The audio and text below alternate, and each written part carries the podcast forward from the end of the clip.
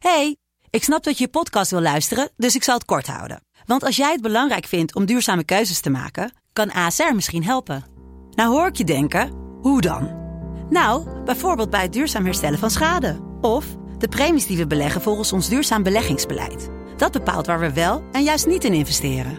Wil je meer weten over welke duurzame keuzes ASR maakt? Ga dan naar asr.nl slash duurzame keuzes. ASR doet het. Zo, dan kan je nu lekker naar je podcast luisteren. Hey, ik snap dat je je podcast wil luisteren, dus ik zal het kort houden. Want als jij het belangrijk vindt om duurzame keuzes te maken, kan ASR misschien helpen. Nou hoor ik je denken, hoe dan? Nou, bijvoorbeeld bij het duurzaam herstellen van schade. Of de premies die we beleggen volgens ons duurzaam beleggingsbeleid. Dat bepaalt waar we wel en juist niet in investeren. Wil je meer weten over welke duurzame keuzes ASR maakt? Ga dan naar asr.nl slash duurzame keuzes. ASR doet het. Zo, dan kan je nu lekker naar je podcast luisteren.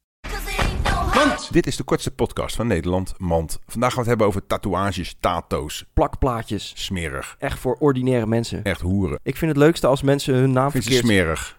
als mensen hun naam verkeerd spellen. Ja. Dus dat ze bijvoorbeeld zeggen mama, maar dan met twee M'en. Of wat denk je van John de Wolf op je rug? En dan in je kont geneukt worden. Gadverdamme. Dit was Mand over tatoeages. Neem ze niet. Dag. Mand.